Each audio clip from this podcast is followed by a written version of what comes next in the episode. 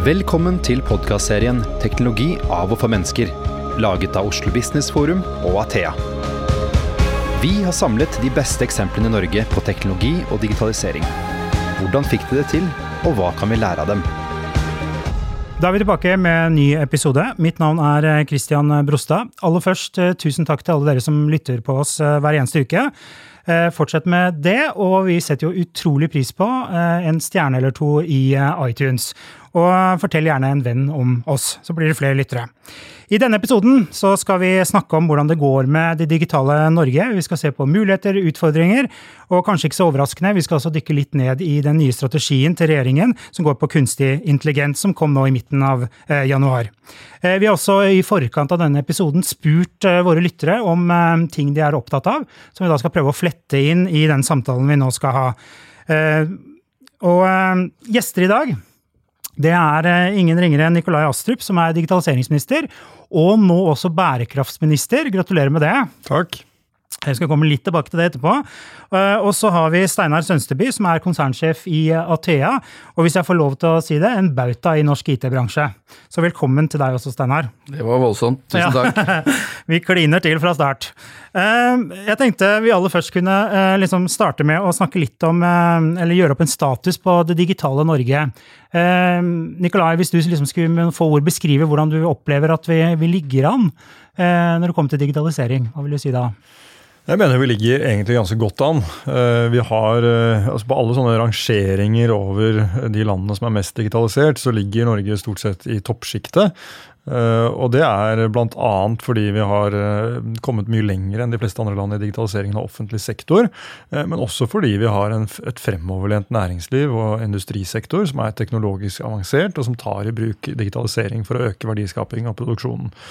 Men jeg vil likevel påstå at selv om vi gjør det bra sammenlignet med andre, så har vi drevet mye med gårsdagens digitalisering. Det er strøm på papir, og vi effektiviserer eksisterende prosesser ved bruk av digitale verktøy, men vi har ikke hentet ut ut det enorme potensialet som ligger i å bruke digitalisering til å løse oppgaven på helt nye og bedre måter. Det vi kaller radikal innovasjon. Så det er neste steg for meg er å bidra til at vi oppnår radikal innovasjon på flere områder. Ikke fordi det er viktig i seg selv, men fordi at resultatet vil være viktig. Det vil gi bedre og enklere tjenester for folk, det vil gi større verdiskaping, nye arbeidsplasser, og vil opprettholde og sikre Norges posisjon som en ledende teknologinasjon. Mm. Steinar, hva er dine refleksjoner rundt det? Jeg har uh, mange av de samme i og for seg. Jeg er også positiv. Jeg har uh, spesielt uh, gleden av å se de siste kanskje tre-fire årene hvor jeg opplever at vi har, eh, vi har, kommet eh, ordentlig i gang.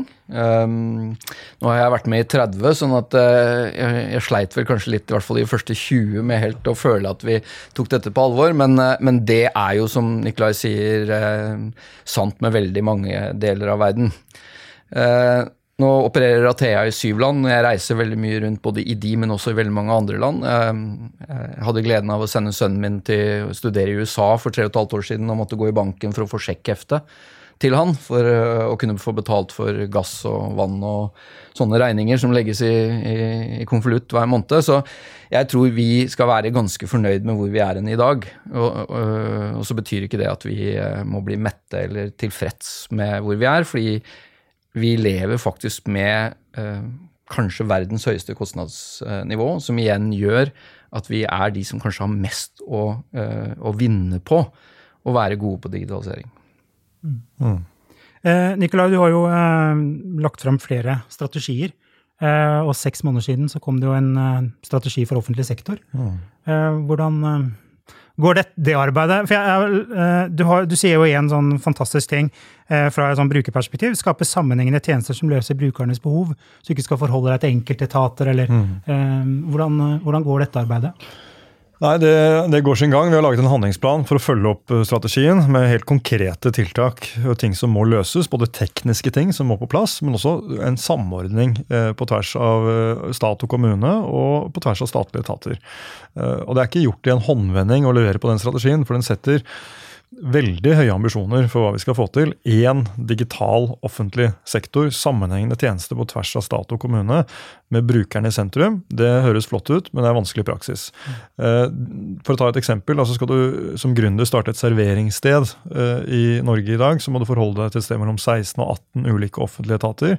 Og selv om hver især har digitalisert sine søknadsprosesser, og det har blitt enklere, så er det eh, slik at du må oppsøke informasjonen, du må finne den, du må sørge for at alle skjemaer er fylt ut, og du må forholde deg til disse ulike aktørene som enkeltaktører. Mitt mål er jo at dette skal oppleves som en sømløs prosess for deg som eh, gründer. Mm. At du skal kun oppgi informasjonen din én gang. Det har vi snakket om i mange år, men vi er langt fra å faktisk komme dit. Ehm, så, og at vi etter hvert også skal utvikle en virtuell assistent som, som, kan sørge for at informasjonen kommer til deg, fremfor at du kommer til den. Og, og mange av disse tjenestene som vi, eh, mange av oss bruker hele tiden, eh, og som vi har krav på, de burde jo i grunnen være proaktive. Eh, og ikke noe du trenger å søke på i det hele tatt. Vi har jo identifisert syv såkalte livshendelser som vi skal prioritere å gjøre sammenhengende i første omgang. Vi skal selvfølgelig gjøre mye annet digitaliseringsarbeid i tillegg, men en av dem er jo det å få barn. Og Mange vil jo tro at det å få barn er noe som bare to mennesker er involvert i.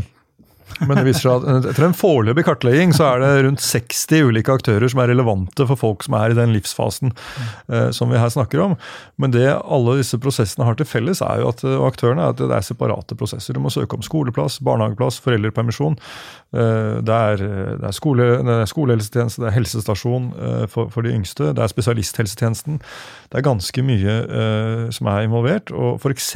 barnehageplass og ikke minst skoleplass. Skole er obligatorisk i Norge. Det burde jo ikke være nødvendig å sende inn et søknadsskjema på papir. Mm. Eh, som jeg måtte gjøre her i høst for min mellomste, eh, som skulle begynne på skolen da. Hvor du må fylle ut Jeg får det tilsendt i posten fra den skolen jeg hadde tenkt til å søke på, så de vet jo at han skal begynne. Og så må du fylle ut i grunn to ting, og det er hva han heter og hvor han bor, og det står jo på konvolutten. Ikke sant? Så, så, så, vi er der. Mm. Og så fikk jeg da et skjema et par uker senere eh, som var fra aktivitetsskolen. Og jeg måtte fylle ut omtrent akkurat det samme, bare med at det var ett kryss til. Heldag eller halvdagsplass. Så eh, dette kan løses på en helt annen måte, men det forutsetter én ting, og det er at vi deler data i offentlig sektor. Det er veldig mye debatt om den dataen som vi deler hver eneste dag med de store teknologiselskapene. og Det er en viktig og stor debatt, som vi kan gjerne snakke litt mer om senere. Men for offentlig sektor er problemstillingen stikk motsatte. Vi deler ikke nok data til å kunne tilby sømløse tjenester. Eh, på tvers av forvaltningsnivåene. Og Derfor så oppretter vi jo nå et, uh, som en uh, ledd i oppfølgingen av denne strategien, så oppretter vi nå et nasjonalt ressurssenter for datadeling i det nye Digitaliseringsdirektoratet. Som da skal ha kompetanse på juss, teknologi, forretnings- og forvaltningsprosesser, og være nyttig både for offentlig sektor, men også for private selskaper som skal forholde seg til offentlig sektor. Hvordan skal vi få til trygg og sikker deling av data, og en flyt eh, som da er innenfor rammen av personvern, eh, og eh, som teknologisk er enkel å forholde seg til for de ulike aktørene som ønsker å koble seg på. Så dette tror jeg blir en viktig ressurs i å realisere strategien. Jeg tenker Eh, når, når, eh, når, jeg reiser et eller annet sted eller møter mennesker enten i en sosial sammenheng eller en jobbsammenheng, og de snakker om en negativ opplevelse de har hatt med Athea, så får jeg litt sånn Det er litt en ubehagelig følelse. Så jeg tenker, Hvordan tenker Nikolai når han uh, får den opplevelsen med, med, kommunen, med sin sønn som skal, uh, som skal starte på skolen? Liksom, hva er opplevelsen din da? Jeg tenker jo at eh, det er 2020, og vi driver fortsatt med, med penn og papir og, og, papirskjemaer. og Jeg var faktisk hos skolehelsetjenesten med min sønn i går. Eh, og, og, Da måtte jeg fylle ut et skjema med masse informasjon som de jo hadde fra før. Der også. Og det var også på papir. Og det er noe med at eh, har vi ikke kommet lenger enn det? Eh, så, eh, så, selv om mye er blitt veldig mye bedre, og vi kan jo ikke, som du nevnte, Steinar, reiser du til USA, så er det sjekkhefter og papirskjemaer som gjelder overalt. Men i, i, Norge har vi kommet ganske langt, men vi har altså en god del arbeid som gjenstår, og det er strekk i laget. Noen etater f.eks. de gjør fantastisk mye spennende og har kommet lenger enn andre. Noen kommuner har kommet veldig langt, mens andre kommuner henger etter. Jeg reiser jo i valgkampen, tror jeg besøkte 47 kommuner på fem uker. Og det er klart alle kommuner jeg møter, de sier at de har noe helt unikt og spesielt som de har utviklet, som ingen andre har. Men det er jo til forveksling likt det jeg så dagen før og dagen før der. Eh, så det er, det er langt mellom de store eh, nyvinningene, men det er også de jeg møter, er jo gjerne de som føler at de har noe å vise frem. Og de som ikke inviterer meg, er de som føler at de ikke har noe vist frem. Så det er en god del som, som har mye jobb igjen å gjøre, men da må også jeg legge til rette for at det blir enklere for dem å hekte seg på og sørge for at ikke alle må sitte og utvikle sin egen unike løsning, men at vi har noen felleskomponenter i bunn som gjør det enklere å lage kan du si, lokaltilpassede tjenester på toppen. Og, det, og der har vi et økosystem av felleskomponenter som eh, mange andre land misunner oss. Altså Altinn, eksempelvis, som næringslivet sier selv at sparer dem for mellom 3,5 og 5 milliarder i året. Eh, noen fra mitt departement reiste til den tyske nasjonalforsamling og presenterte Altinn. Og de trodde jo ikke på det. Science fiction, ikke sant? Fordi de har, eh, de har jo ikke ett sentralt folkeregister i Tyskland. Så det er ikke mulig å få til en sånn løsning som Altinn. Um, og kontantandelen er, uh, er det 80% eller 70% i Tyskland. I Norge er den 11 uh, så, så, vi er jo i utgangspunktet også mer villige til å ta i bruk ny teknologi, fordi vi har høy tillit til samfunnet. Og tillit er en av de si, hjørnestenene som vi må bygge digitaliseringen på. Hvis vi svikter der, så kommer vi ikke til å få til det vi ønsker å få til. Og bare for å skyte inn én siste ting fra siden også, det er jo denne Vigilo-saken som kom her uh, i høst. Uh, hvor det var en skoleapp uh, hvor informasjon som ikke skulle vært delt, ble delt uh, om et barns adresse. og det, det, er den type hendelser som vi ikke kan ha for mange av før det går på tilliten løs og folk, skoler begynner å plukke ned de digitale systemene og går tilbake til det som på min skole heter ranselpost. Ranselpost. jeg opplever, jeg sa i stad at uh, vi har en, kanskje den største motivasjonen av alle land i verden for å digitalisere pga. kostnadsnivået vårt. Men vi har nok flere eh, fordeler også ved, altså i Norge i, i, forhold til å angripe, eller når vi har startet å angripe denne problemstillingen. Det ene er at vi er et relativt lite land. Det landet jeg, jeg, kjenner som har kommet lang, lengst, er jo Estland. Og hva er det de har? 1,1 million mennesker eller noe sånt nå. Ehm, så det er klart at størrelsen på landet vårt gir oss noen fordeler. Ehm, økonomien i landet vårt gir oss noen fordeler. Utdanningsnivået. Eh, men jeg er helt enig. det Kanskje den aller største fordelen i forhold til dette, det er tillit, altså tilliten som hele samfunnet vårt er bygd på. Som er en stor fordel. Og så er hvis det går over til naivitet, så, så kan det være en stor fallgruve. Men, men jeg, jeg, velger å se på det som en stor mm. fordel. Estland er et veldig interessant case. Jeg har vært der og snakket med, med myndighetene og, de som jobber med digitalisering der. Og klart, De startet jo med ingenting. Så de kunne jo hoppe over eh, kan du si, den bagasjen som vi bærer på, fordi vi har vært et eh, rikt land lenger enn Estland. Uh, og er et rikere land enn Estland. Så vi startet jo tidligere, men da startet vi jo med det som fantes den gang, som var proprietære systemer. Og det er jo bagasje som vi sliter med, ikke minst i helsevesenet, fortsatt. Mens Estland startet med ingenting, uh, ganske begrenset areal, så de kunne raskt få opp en bredbåndsdekning som gjorde det mulig å ta i bruk digitale løsninger, og så hoppet de rett over på et, si, et moderne, en moderne infrastruktur i bunn. Men når det er sagt, så mener jeg at eh, selv om de har kommet langt, så står ikke vi noe særlig tilbake for Estland samlet sett. Ehm, men et, Estland er et eksempel på et land som beveger seg i veldig rask hastighet. Og en påminnelse til oss om at vi også må bevege oss raskt. fordi at vi nå ligger godt an sammenlignet med andre, betyr ikke at vi kommer til å gjøre det fremover. Så vi er nødt til å, å uh, gire om og, og, øke hastigheten. Men da må vi ha en tydelig retning. Og det er det jeg prøver å bidra med med de strategiene som jeg nå har lagt frem, både på kunstig intelligens og digitalisering i offentlig sektor. Det er en tydelig retning for arbeidet som kan samle de ulike aktørene. Så dette er ikke en strategi for bare regjeringen. Det er en strategi for i tilfelle offentlig sektor, for kommunene, fylkeskommunene og staten. Eh, og for KI, for hele samfunnet, egentlig. Det handler om privat sektor eh, og hvordan vi skal få dem med på laget også. Eh, så, så det er viktig. Og jeg tenker vi har en kjempemulighet, men skal vi realisere de ambisjonene som vi har i digitaliseringsstrategien for offentlig sektor, så må vi spille på lag med privat næringsliv. Og oppstartsselskaper er også opptatt av. Athea gjør fantastisk mye bra. Eh, men vi må også se på hvordan vi kan eh, bruke vår innkjøpsmakt til å øke innovasjonsgraden i offentlig sektor ved å samspille bedre med de nye selskapene som dukker opp. Og Hvis du da har løsninger hvor det er mulig å koble seg på med åpne kildekoder og åpne standarder, så er det er det faktisk mulig for et lite selskap å levere en løsning som lar seg skalere, som holder samme kvalitet og sikkerhet som det de store kan eh, bidra med. Så vi kjøper inn for 560 milliarder i året i offentlig sektor. Hvordan vi bruker de pengene, kommer til å både bestemme hvor grønne og innovative og digitale vi blir, men også hva slags næringsliv vi får. Vi har ikke noe problem med startups i Norge. De siste fire-fem årene har det jo eksplodert. Det vi har et problem med, er scaleups. Mm. Og der tror jeg at det å få det offentlige som referansekunde kan være et utrolig viktig steg eh, for mange selskaper som jo innser at de kan ikke bare ha Norge som marked. Skal du vokse, så må du vokse eh, overalt med en gang. Eh, men det å kunne vise til at du har det offentlige som referansekunde, tror jeg er viktig. Når Boost AI for eksempel, nå går ut i Dagens Næringsliv og sier at de har ambisjoner om å bli en enhjørning i løpet av tre år. Kjempebra med den type ambisjoner.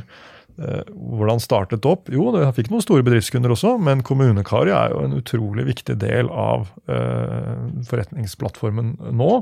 Og en viktig referanse når de skal utvide til offentlig sektor i både Sverige og Danmark og Tyskland og Storbritannia og USA. Mm. Og så tror jeg på samme måte som eh, For jeg er helt enig i det. Eh, hvis vi skal tenke litt sånn eh, litt visjonært, så handler dette om et samarbeid alle veier. Og En av måtene å få et gründermiljø til å fungere på, er jo at de små selskapene også samarbeider med de litt større selskapene. Uh, fordi det er vanskelig med et så lite hjemmemarked. Altså De fleste selskaper som blir store enhjørninger, uh, de har et stort hjemmemarked. Uh, og der er det lettere å lykkes. Du kjenner, du har et nettverk, du prater det samme språket, du har den samme kulturen. så det er litt vanskelig Eh, med så lite hjemmemarked. Og da kan både det offentlige, men, men også de store eh, selskapene, eh, enten de er nasjonale eller internasjonale, uten at de nødvendigvis trenger å kjøpe de, uh, hjelpe. Vi har, vi har, en årlig greie hvor vi trekker fram ett sånt selskap og hjelper de og gir de vår salgskanal. No Isolation er et, et eksempel um, for to år siden hvor det skjedde. Jeg vil jo også si at uh, selskaper som Mathea og andre store selskaper har jo en egeninteresse også. fordi alle store virksomheter, enten de er i offentlig eller privat sektor, har jo en utfordring med å øke innovasjonsgraden raskt, og avhengig av å samarbeide med andre for å få det til. Det som bekymrer meg litt nå, da, det er det politiske ordskiftet, er at uh, det er stadig flere uh, som tar til orde for at offentlig sektor bør gjøre enda mer selv. Uh, og i grunnen burde ha kontroll på det meste selv. Jeg tror ikke det er svaret fremover. Tvert om så må vi spille på lag med alle de gode kreftene som finnes i, i markedet, for å oppnå de resultatene vi ønsker for befolkningen i offentlig sektor. Mm.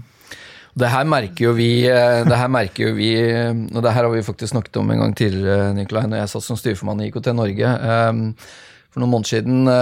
Og vi har jo i mange år opplevd at det er konkurrentene våre eller samarbeidspartnerne, altså de store internasjonale IT-selskapene, som våre ansatte går til når de, når, når de, en sjelden gang velger å slutte. Nå går de stort sett til det offentlige. Um, og vi vet jo ikke hva de får men, uh, i lønn. Men det som blir sagt, er at det blir matchet eller økes i forhold til hva vi, uh, hva vi har. Så, så her, her, er det faktisk en, en, liten sånn utfordring, og vi skal vel snakke litt om kompetanse og tilgang på kompetanse etter hvert. Um, Eh, men det, det, er en utfordring som vi, eh, vi, ser for første gang, egentlig. Jeg har lyst til å si til det at vi skal passe på Utgangspunktet mitt er at offentlig sektor skal ikke gjøre selv det det private kan gjøre bedre. Men så tror jeg også det er viktig at man har tilstrekkelig kompetanse internt i en offentlig virksomhet til å gjøre de gode valgene. Utvikle de rette løsningene som private da kan levere. Fordi hvis du mangler den kjernekompetansen internt, så er sjansen for at du havner i en grøft der du får et prosjekt som går over kost, og som ikke svarer til forventningene og behovene du har, den er ganske stor. Og jeg synes jo, sånn som Nav er et eksempel på at øh, de hadde en del IT-prosjekter for noen år siden som gikk ikke så veldig bra, hvis man kan si det på den måten. Øh, og det var nok et eksempel på at de manglet den type kjernekompetanse. Så er det veldig lett, når du da begynner å ansette noen, å gå for langt i den andre enden, eh, i den andre veien. Og der må vi passe oss eh, at, eh, på at føringene fra sentrale myndigheter er tydelige på at vi, vi skal altså ikke gjøre selv det, private kan gjøre bedre. Mm. Jeg har lyst til å, Vi kommer litt tilbake til kompetanse etterpå. Eh, godt at dere er ivrige, da, det må jeg få lov å si. Eh, men jeg har lyst til å eh, snakke litt om data, for det er begge berørt. og Data er en forutsetning for at du skal kunne klare å realisere ambisjonene. Og så kommer jo dere da med en strategi for kunstig intelligens. og Jeg er ikke sikker på at alle lytterne våre kanskje har fått med seg hovedpunktene i den. Du nevnte ressurssenteret. Hva andre viktige ting er det i den strategien? Vi, hadde, vi, jo, eh, vi, satte i gang arbeidet med den strategien for uh, under et år siden. Uh, og I løpet av det siste året så har vi fått utrolig mange gode innspill fra ulike miljøer. og Jeg har også besøkt alle forskningsmiljøene og masse oppstartsbedrifter og etablerte bedrifter og fått innspill.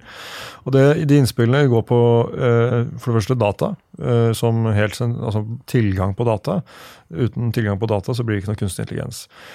Eh, et konkret oppfølging av det er jo at vi nå setter i gang eh, med å lage en stortingsmelding om datadrevet økonomi og innovasjon. Eh, og Det skal handle om både hvordan vi forvalter data, hvordan vi foredler data, hvilke typer data som bør skjermes, hvilke som bør deles, hvilke som kanskje vi også skal pålegge eh, selskaper og, og, og privat sektor å dele, fordi det er så stor verdi for samfunnet. Eh, mye av verdien ligger jo i koblingen mellom ulike datasett. Eh, så, så er det mange problemstillinger, ikke minst eh, å se dette i perspektivet av de globale plattformselskapene. Altså Hvordan skal vi lykkes med å bruke data generert i Norge til verdiskaping i Norge og tjenesteutvikling i Norge? I en tid der vi møter veldig sterk konkurranse fra selskaper som i realiteten suger data ut av Norge. Så her er det mange problemstillinger. Jeg opplever at dette er noe Eh, folk er opptatt av, men der det er flere eh, spørsmål enn svar så langt. Eh, så vi skal prøve å bidra med noen svar. Så Et annet viktig tema som har dukket opp, er kompetanse. Så Det er behørig kommentert i strategien. Og, og, og vi er opptatt av ikke, at både at vi må ha mer spisskompetanse i Norge, fordi vi mangler rett og slett folk. Og alle bedrifter ansetter jo utviklere nå i alle typer bransjer. Det er ikke bare rene IT-selskaper som etterspør dette. Men også at vi må få mer tverrfaglighet. Altså Vi kan ikke fortsette å utdanne leger som ikke kan noe om kunstig intelligens. De skal ikke bli eksperter, men de kommer til å måtte forholde seg til det. Det samme gjelder sykepleiere. Det samme gjelder faktisk folk som utdanner seg eh, innenfor landbruket. Eh, kunstig intelligens brukes i landbruket eh, allerede i dag. Kommer til å bli mye mer brukt i årene fremover. Da må også de som skal jobbe med landbruk i fremtiden, ha kunnskap om dette. Og så kan vi ikke bare fokusere på de som allerede, eller de som utdanner seg. Vi må fokusere på de som allerede er i arbeidslivet. Fordi dette kommer til å bety noe for folks jobber jeg, jeg, har et positivt syn. Jeg tror det blir flere arbeidsplasser i den andre enden enn, enn, det vi hadde da vi gikk inn i denne transformasjonen. Men det kommer til å påvirke jobber i den betydning at det er ikke sikkert at det er de samme menneskene som kan bekle de nye jobbene. Så vi må øke kompetansenivået. Og et konkret tiltak der er at vi nå tilgjengeliggjør uh, dette programmet Elements of AI, et online-kurs på norsk gjennom NTNU. Uh, eh, og vi har som mål at 100 000 nordmenn skal ta dette nettkurset, som tar ca. 30 timer. Og vi har startet det vi kaller AI Challenge i Norge, hvor vi utfordrer konkrete bedrifter og eh, offentlige virksomheter på å eh, la de ansatte ta dette kurset i, i arbeidstiden og til, legge til rette for at de tar det. Og til nå har det vært overveldende respons. Med tanke på at jeg lanserte dette for en ukes tid siden, så har jo Equinor, Telenor, Aker BP, Norgesgruppen, DNB, Nordea, Athea, eh, Tieto Evry eh, altså det, Wilhelmsen eh, Det er utrolig mange som har meldt seg på og sagt vi tar utfordringen. Men også Nav og Lånekassen eh, og Digitaliseringsdirektoratet og mange andre offentlige virksomheter. Det er en god start, men vi trenger at eh, vi når ut til de små og mellomstore bedriftene. Fordi jeg er ikke så bekymret for de store bedriftene, egentlig. Selv om de kommer til å møte en eh, omskiftelig verden, så er de rigget for det. De ser hva som kommer, og de har ressurser til å følge opp. Men de aller fleste i Norge jobber i små og mellomstore bedrifter. Og de, eh, mange av de bedriftene er ikke forberedt på det som kommer. Så vi, vi, vi trenger, å, og kanskje er de ikke engang bevisst at de sitter på data. og Hvis de er det, så vet de ikke hvordan de skal bruke dem for å eh, verdi, ha verdiøkende tjenester i, i, i, porteføljen sin. Eh, optimalisere alt fra markedsføring til, til logistikk. Eh, her ligger det store muligheter, men da må vi øke kompetansenivået og nå ut til dem. Og sørge for at de kan hekte seg på det arbeidet som gjøres i de store virksomhetene. Og Det prøver vi gjennom Digital Norway. Eh, som jo er et samarbeid mellom 15 store private virksomheter, som handler om å nå ut til deres underleverandører, egentlig, og, deres uh, univers av små og mellomstore bedrifter som de forholder seg til. Mm. Steinar, du har vært begeistret for denne strategien? Ja, jeg, jeg, ser jo Og jeg tror på en måte det er litt politikernes uh, hverdag, og jeg tror Nikolai er, er hardhudet nok til at han ser det selv også. Um, at det er mange interesseorganisasjoner og personer som skal liksom ha negative synspunkter, for det er mer populært enn å ha positive. Jeg var uh, positivt overrasket over hvor tydelig, hvor konkret. Uh, men jeg har også vært overrasket og har deltatt uh, delvis Eller på enkelte input-sesjoner òg, som jeg syns var um, Det er mulig at ordet 'overraske' er feil, men jeg syns det var positivt at så mange forskjellige miljøer fikk muligheten til virkelig å sette seg ned og gi tilbakemeldinger.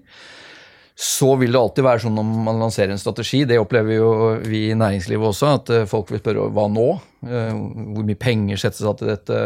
Eh, hvilke aktiviteter osv. Og, så og vi kaller jo ofte det forhandlingsplaner, som da skal føre, følge med noen penger og noen, noen, ressurser. Men så langt så er jeg veldig positivt, og, og, og også enig i de konkrete tingene. Mm. Men jeg har lyst til å addere én ting. En ting til, fordi Noe av det viktigste med den strategien synes jeg, er jo det som kommer i eh, kapittel fem. Det siste kapittelet i strategien. og Det er jo at vi skal ha en etisk og menneskevennlig tilnærming til kunstig intelligens. Og Det håper jeg blir en viktig ramme for både offentlige og private virksomheter som skal utvikle og ta i bruk kunstig intelligens. Eh, både fordi at eh, hvis vi skal sikre den tilliten vi snakket om innledningsvis, og folk skal akseptere at vi tar i bruk kunstig intelligens, og ikke bare akseptere, men, men stole på at, at, det er et riktig valg, eh, så, så, kommer vi ikke unna å ha en etisk og menneskevennlig tilnærming til det. Det andre er at jeg tror det blir en konkurransefordel for norsk industri, norsk næringsliv, og for offentlig sektor at vi, at vi har den tilnærmingen. Så, så, vi kommer opp med syv helt konkrete prinsipper som vi også utfordrer eh, næringslivet til å opprette bransjestandarder eh, og, eller andre sertifiseringsordninger knyttet til dem. Eh, og Vi håper at det er noe som næringslivet vil ta til seg, fordi, fordi det rammeverket er, er, viktig å fastslå. Og, og, forhåpentligvis vil det bidra til å berolige eh, en del av de eh, som i vårt samfunn får sin primære informasjon om kunstig intelligens gjennom science fiction-filmer og eh, skrekkromaner eh, om hvordan det kan gå. Fordi det handler om så mye annet enn det. Uh, og, og vi, må, vi, må, passe på at vi avmystifiserer litt hva, hva dette egentlig er. Uh, og at vi er tydelige på at vi skal ikke utvikle kunstig intelligens og ta det i bruk i Norge på en måte som gjør at det kan misbrukes. Mm. Nei, jeg, også, og, jeg, tenkte også bare å skyte inn at dette med deling av data og tilgjengeliggjøring Du sa det så vidt i stad, men det, det blir ofte bare framstilt som at det er et offentlig problem. Uh, og det er det selvsagt ikke. Uh, både når det gjelder å tilgjengeliggjøre, men også når det gjelder å ha tilliten til at det blir behandlet på en uh, riktig måte, er også en stor utfordring i, i, i det private. et kjempespennende eksempel som jeg vet har vært en episode i podkasten her tidligere, er Food Trust. vi lanserte sammen i BAM for noen dager siden på sjømatdagene som jeg faktisk tror foregår i dag også, men i hvert fall på tirsdag, uh, uh, i Trondheim. Uh, en løsning hvor man kan følge fisken fra egg til mat. Og Kvarøy, som er piloten som nå kjøres, har da en stor kunde i USA, en, en retail-kjede i USA.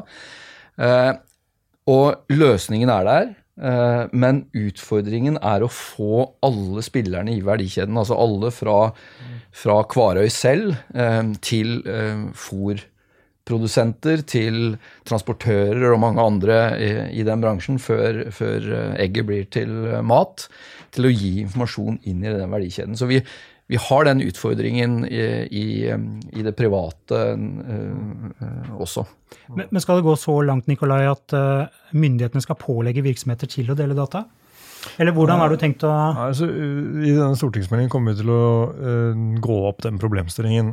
og da har vi sagt at vi i hvert fall skal vurdere om det finnes områder eller typer data som er så viktige for storsamfunnet at de bør deles med alle. Mm. Men det er også mulig å se for seg at det er en god del typer data som bør deles innenfor bransjer. F.eks. har man i olje- og gassbransjen jo holdt på med dette siden 1995. Da etablerte man databasen Diskos, hvor jo alle reservoardata legges inn. og Så konkurrerer man da ikke om å eie dataene, men om å tolke dem. Og Det er jo grunnen til at vi fant Johan Sverdrup. Mm.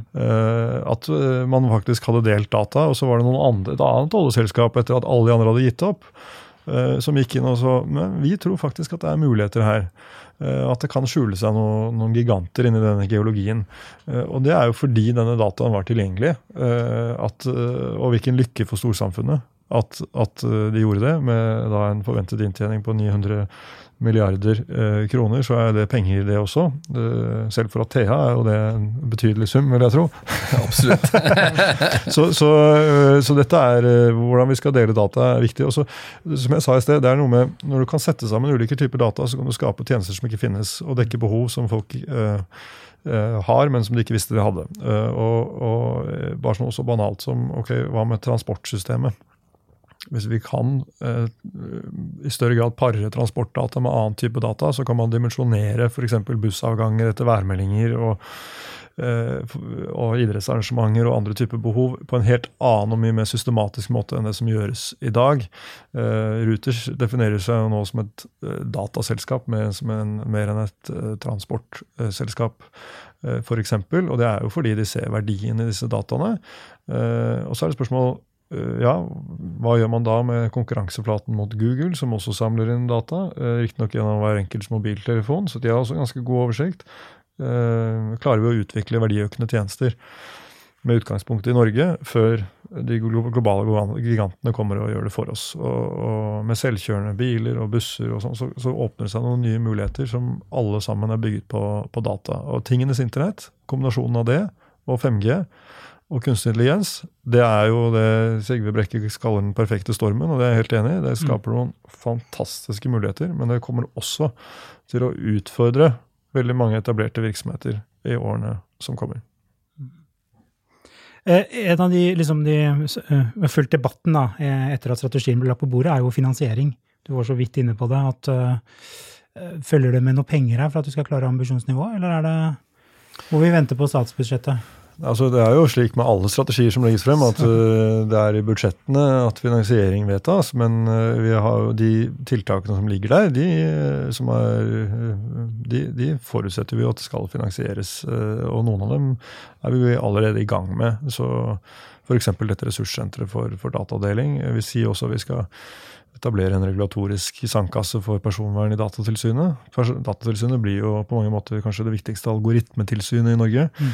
Eh, og Grunnen til at vi etablerer en regulatorisk sandkasse, eh, er jo for å gi selskapene mulighet for å eh, korte ned tiden fra utprøving til utrulling eh, ved å teste det i, innenfor et, teste løsningen innenfor et kan si, kontrollert miljø, der man ikke risikerer å få sanksjoner fra Datatilsynet hvis uh, man går utenfor dagens lovverk. Så, mm. så det uh, tror jeg vil være et viktig bidrag. Vi har jo regulatoriske sandkasser også innenfor, uh, innenfor autonome kjøretøy. det er vel fem områder i landet hvor det er plukket ut områder hvor man kan teste ut dette før vi slipper det løs på storsamfunnet. Det tror jeg alle skal være glad for.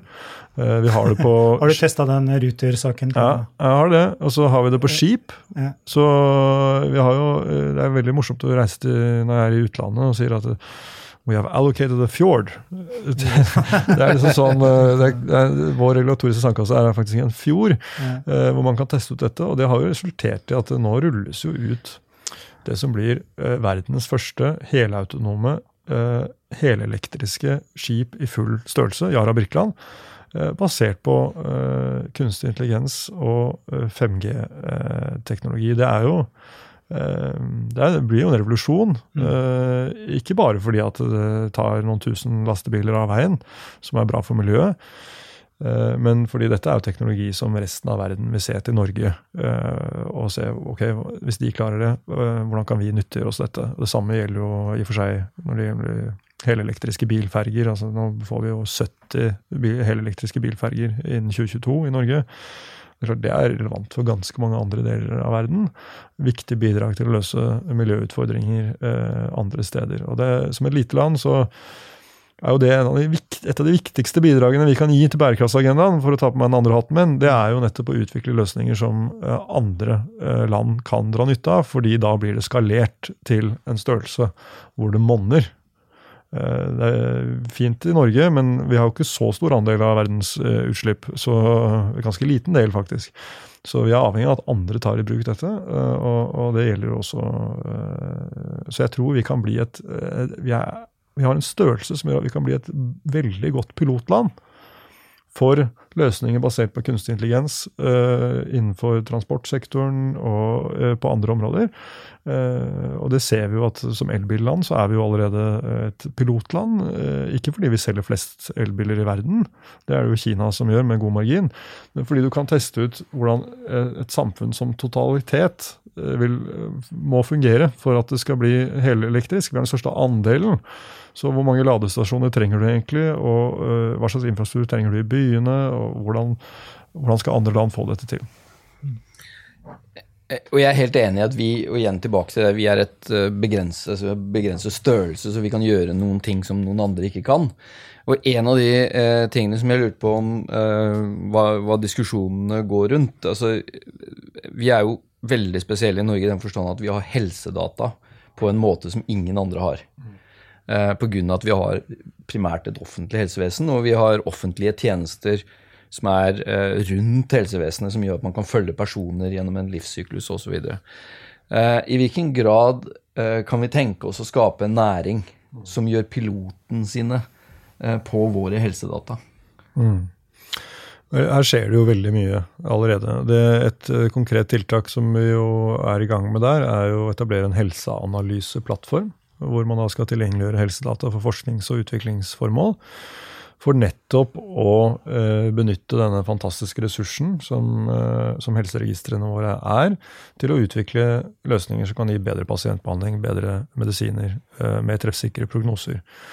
Og Der skjer det eh, en god del allerede. På Radiumhospitalet har du dette prosjektet som heter Do More, hvor de er kommet eh, det er i år tre av fem. Eh, hvor de utvikler en kunstig intelligens som skal gi langt mer treffsikre prognoser for kreftpasienter enn det menneskelige patologer klarer. Og så langt er resultatene veldig, veldig gode.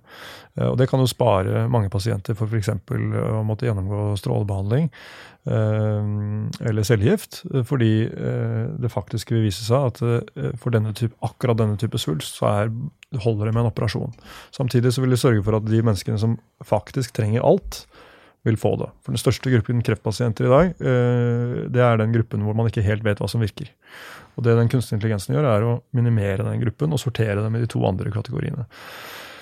Vi har eh, Sykehuset på Sørlandet jobber også med å utvikle kunstig intelligens. Eh, men de møter da altså, Utfordringen nå er ikke å utvikle basert på helsedata, men å ta i bruk basert på virkelige journaler fra virkelige mennesker i den daglige oppfølgingen av pasienter. Og Der møter vi jo på noen eh, ganske tydelige personvernbegrensninger i dagens regelverk.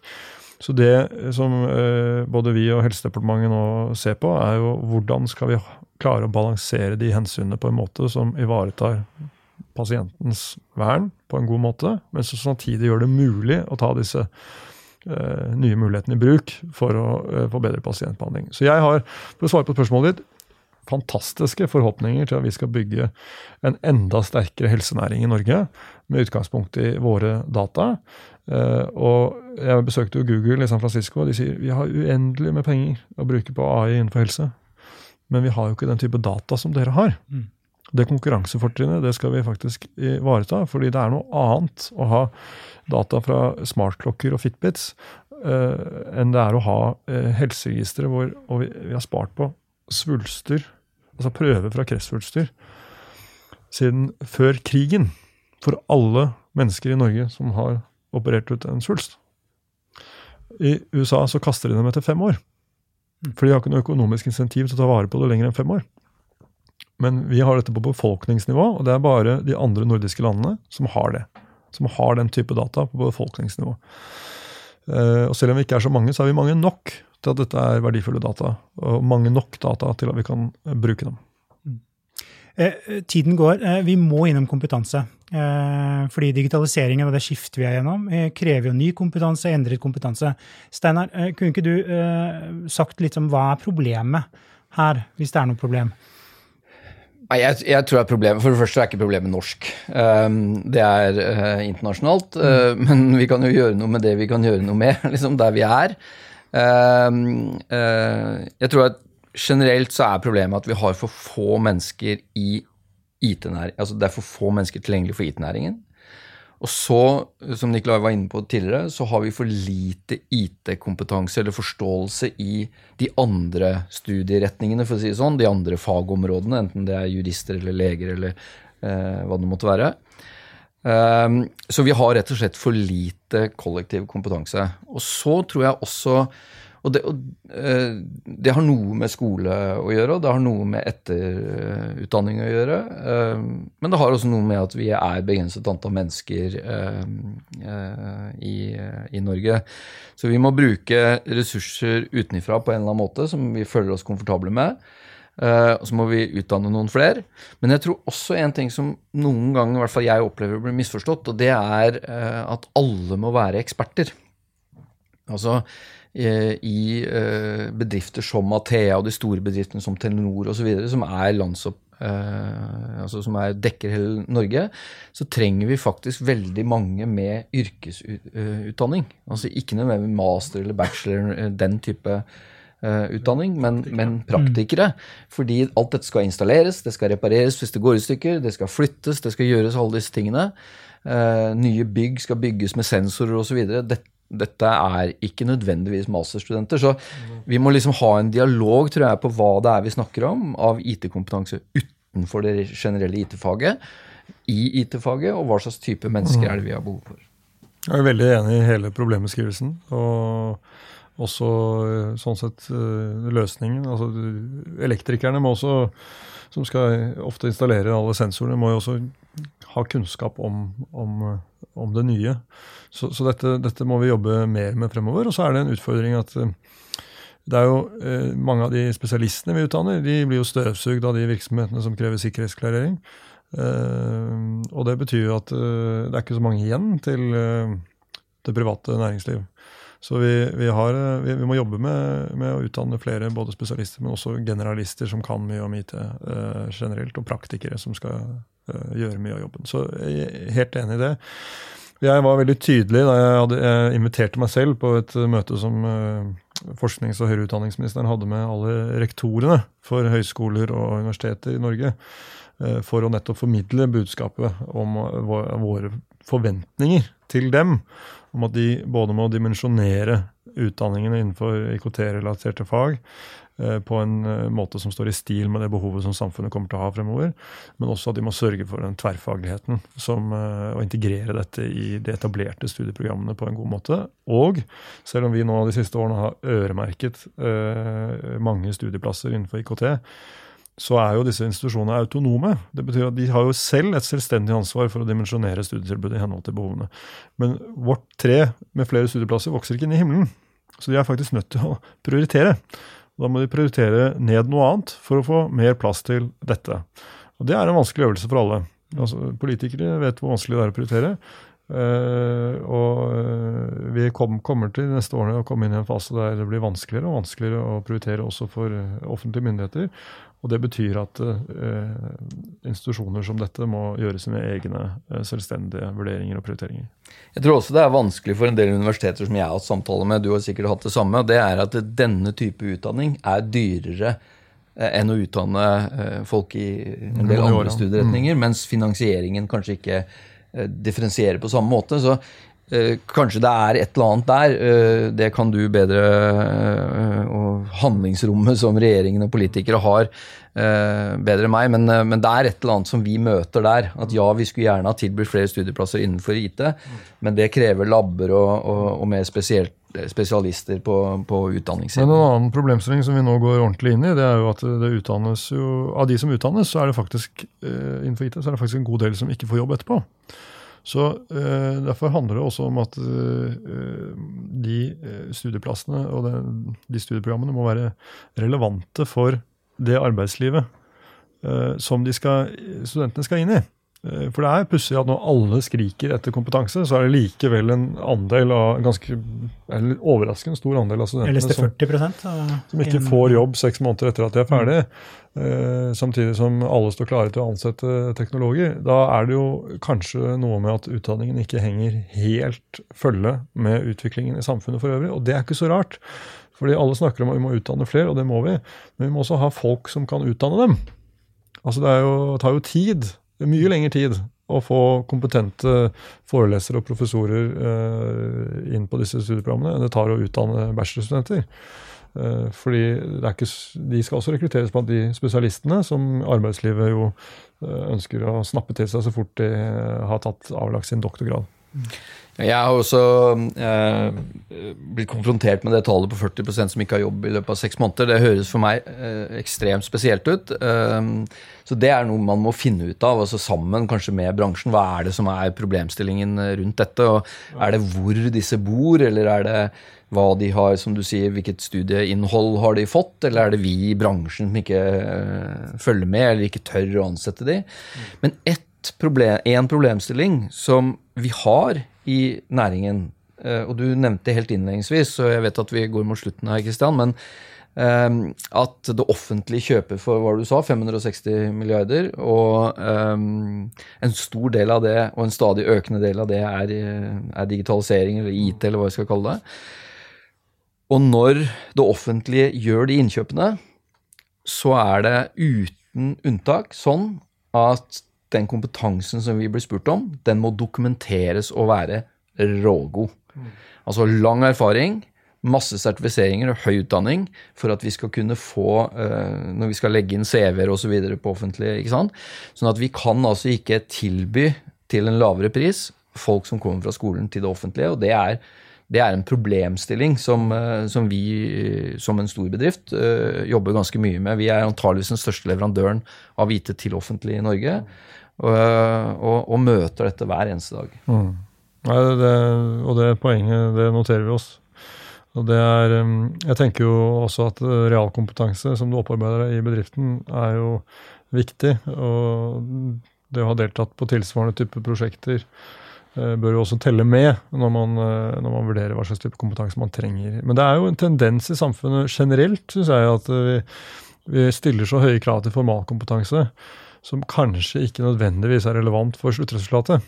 Uh, og det gjør at uh, alle skal ha en mastergrad eller to, og alle skal uh, på en måte ha en spesialisering som strengt tatt ikke er behov for. Altså nå Uh, og det sier jeg som en som har mastergrad selv, uh, så kan jeg jo fastslå at uh, behovet har kanskje ikke vært så stort.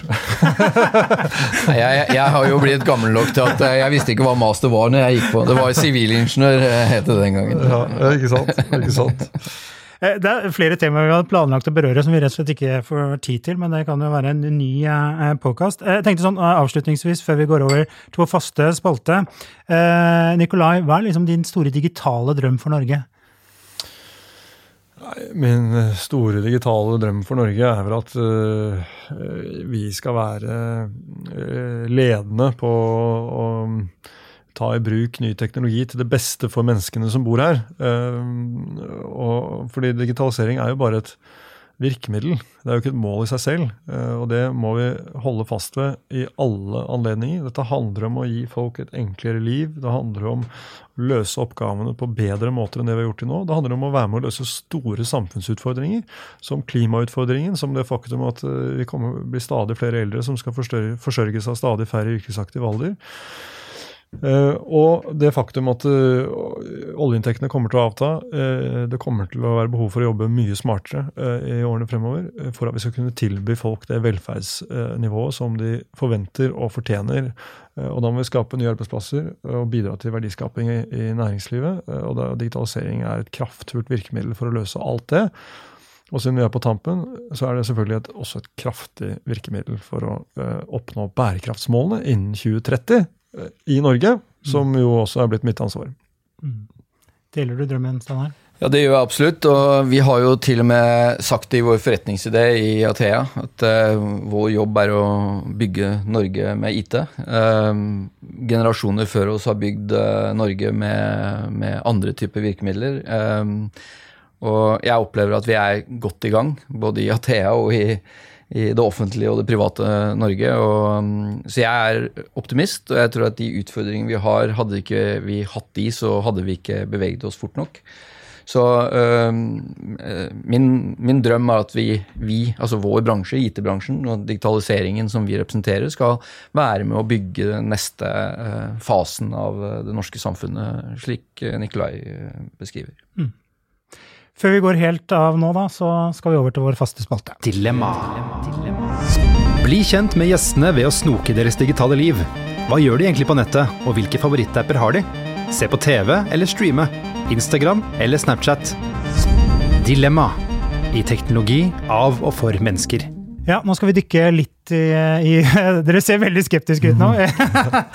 I det digitale livet deres, så dere får noen dilemmaer. Eh, og så må dere da velge ett av det, eh, de eh, forslagene som kommer. Vi starter med deg, Nikolai. Instagram eller Snapchat? Instagram. Instagram. Jeg er egentlig dårlig på begge, så jeg, hvis jeg får lov, så vil jeg si Twitter. Det er liksom mitt kommunikasjonsmedie. Ja, men, men, i så fall vil jeg også si det. Hvis det var mulig å velge et annet alternativ. Nei, det er ikke mulig å velge noe annet. Ja. Uh, nummer to, uh, tog eller flyreise? Ja, tog er jo mye mer behagelig, men det er ikke alltid tilgjengelig.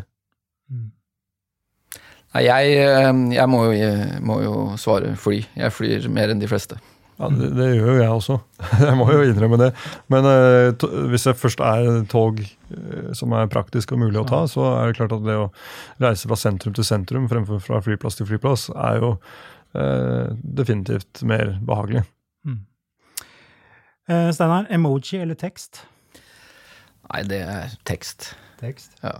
Spriter du opp med noe emojis? Ja, er, der er jeg treg, altså. Ja. ja. men jeg gjør jo det av og til. Men uh, det er mye tekst. Mm. Nikolai? Jeg bruker jo begge deler, men jeg bruker jo mest tekst. Ja. Jeg skal innrømme det. Jeg var litt sent ute med emojis. Mm. Men uh, Store problemet er å forstå hva det betyr. Ja, det er, det er det. Kanskje en generasjonsgreie. Uh, eiebil eller leiebil? Eiebil foreløpig. Men jeg tror jo at eh, delingsøkonomien kommer til å utvikle seg i forrykende fart. og Jeg var i Berlin nylig, og der har, jo, eh, der har virkelig dette med delebil tatt av. sånn at du, du setter den fra deg hvor som helst. og Skal du f.eks. til flyplassen, så koster det 17 euro å kjøre bilen til flyplassen og sette den igjen der. Mens det koster 50 euro med å ta taxi. Så jeg tror dette kommer til å utvikle seg. Mm. Jeg eier faktisk ingen biler, uh, men det betyr jo ikke at jeg er del av delingsøkonomien. For bilene er du flyr finansiert. Du flyr jeg, jeg, jeg, flyr så mye at jeg trenger ikke bil. Nei, jeg, har, jeg har bil, men de er ikke, de er ikke eid. eid. Uh, par igjen. Uh, ringe eller sende meldinger? Jeg sender mest meldinger, men jeg skulle ønske jeg ringte mer. Ja. Sånn her. Altså, jeg har jo mennesker som jeg kommuniserer med, som er veldig geografisk spredt. Jeg, eh, så jeg liker å ringe og liksom holde den lille kontakten. Det betyr jo Jeg sender masse meldinger, men, men, mm. Eh, men, jeg liker å ringe og ha litt mønster for å ringe til mennesker for å holde en jevnlig kontakt med dem. Så jeg liker faktisk å ringe. Mm. To igjen. Lineær-TV eller streaming? Lineær-TV har jeg i grunnen nesten, nesten sluttet helt ja. med. Ja, det, det, går jo mer og mer mot streaming. Men, eh, men sport er et eller annet. Altså, jeg, jeg, liker Nei, å koble av med å se på sport. Og det, hvis du ikke ser det i real life, så blir liksom spenningen litt borte. For det er det vanskelig å ikke få med, få med resultatene. Så kommer det sånne nyhetsoppdateringer på telefonen med hvem som vant, så er det veldig dumt å skulle se det etterpå. Ja, Du vet hvem som har vunnet femmila, og så sitte og se på den i to og en halv time etterpå. det. siste. Eh, radio eller podkast? Uh, nei, jeg må vel nesten si podkast siden jeg er her i dag, da. Men, uh, men det blir nok mer radio enn uh, eh, podkast, jeg må innrømme det. Og det, jeg hører jo mye på nyhetssendinger, da. Mm. Det er jo en del av jobben å holde seg kontinuerlig oppdatert på det. Nei, jeg har vært en ganske tro radiolytter i mange år, men for et par år siden så snudde det helt, og jeg har blitt helt bitt av podkastformatet. Så enten jeg sitter i bil eller på flyplasser eller et eller annet, så er det, så det podkast nå. Og det finnes utrolig mye spennende. Jeg ber alltid om innspill på hva slags type podkast man bør høre på. Det er Jeg, så jeg har blitt veldig fascinert av det, og, og syns formatet funker bra. Og det er passer lengde ofte på de, da. Mm.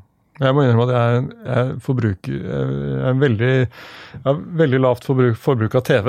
Veldig lavt forbruk egentlig av alle sånne flater, rett og slett fordi døgnet går ikke opp. Eh, så da, da blir det, det, det blir lite av det. Og så prøver jeg av og til å sette meg ned med en bok, da. En god, gammeldags bok med stive permer. Mm. Uh, selv om jeg også har lyttet på lydbøker i det siste. Men uh, det er noe med å ikke glemme det formatet. Ja, og Det er jeg enig i, for seg, men podkast har liksom blitt min greie istedenfor å lese. Jeg leser veldig mye mindre og hører mye på podkast. Mm. Nikolai, Steinar, tusen takk for at dere kunne være med, og tusen takk til deg som har lyttet på. Du har nå lyttet til podkasten 'Teknologi av og for mennesker', laget av Athea og Oslo Business Forum. Følg oss i sosiale medier og på nettsiden vår athea.no. slash podkast. Vi setter utrolig stor pris på om du gir podkasten en vurdering i iTunes.